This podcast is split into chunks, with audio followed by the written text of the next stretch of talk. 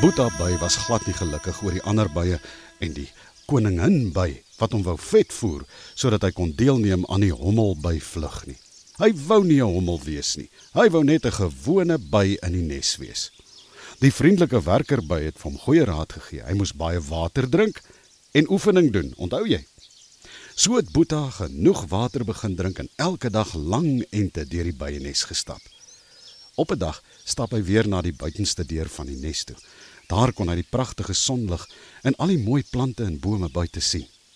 Vandag gaan ek weer probeer om te vlieg, sê hy by homself en begin sy dun byvlekkies klap.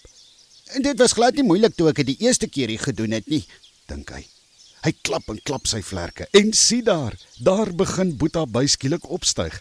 Hy voel hoe sy vlerkies hom in die lug begin opdra en daar vlieg hy. Hy vlieg by die nes uit en kry sommer rigting na die naaste mooi boom toe. In die boom is die mooiste groot helder blomme en hy kan sien hoe die werkersbytjies in en om die blomme nektar uitsuig. "My aarde, is dit tog nie Boeta by wat so lekker hier buite rondvlieg nie?" vra een van die werkers. "Dit is hy.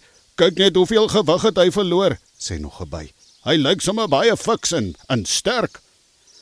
Dit was net die regte ding vir Boeta by.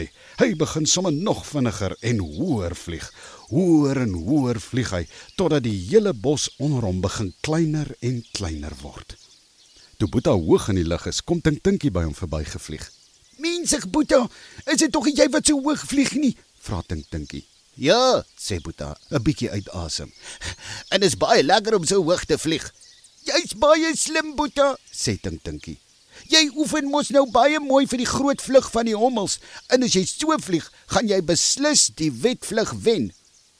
En dan wen ek wat? Wil Boeta weet. Wel, as jy die wetvlug wen, sal jy met die nuwe koningin by kan trou. En ek het reeds gehoor die ander bye sê sy het al uitgebroei en bly ook in die koningin se blyplek in die nes. Ag, wie wil dit nou vir 'n prys hê? roep Boeta by teleurgesteld. Ek wil nie trou nie, ek wil net vlieg en vlieg. Vlieg is my lewe.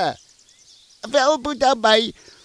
Dalk moet ons terugvlieg grond toe en dan vertel ek jou 'n paar dinge oor bywees, sê Tink Tinkie vriendelik. Nou ja, toe Tink Dinkie, sê Boeta by. sien jou op die grond. Kom ons kyk wie's eerste onder.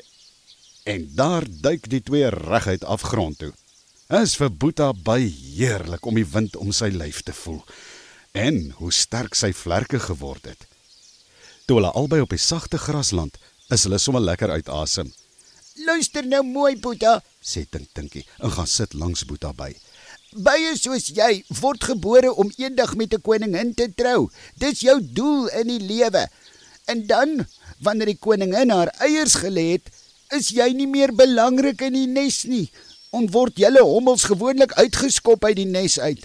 Dit sal die dag wees, sê Boeta by. Niemand skop my uit die nes uit nie. En buitendien, ek gaan nie trou nie met niemand nie. Ek wil net vlieg en vlieg. Dink Dinkie se kop hang sommer onderste bo. Ai Boeta, daar's nie veel wat jy daaraan kan doen nie. Jy sal maar sien. Maar nou moet jy eers terugvlieg nes toe. Dit is net nou donker en dan sal jy nie weer jou pad kan terugvind na die nes toe nie. Daardie aand het Boeta by lank gelê en dink oor wat Tink Tinkie vir hom gesê het. Hm. Nee, wat? dink hy by homself. Ek mag dalk 'n hommel by wees, maar ek gaan ten minste die sterkste hommel by wees wat die hoogste kan vlieg. Nee, wat? Ek gaan nie 'n hommel vlieg by word nie.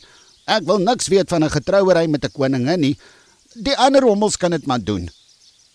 En voordat hy hom kon kry, is hy vas aan die slaap.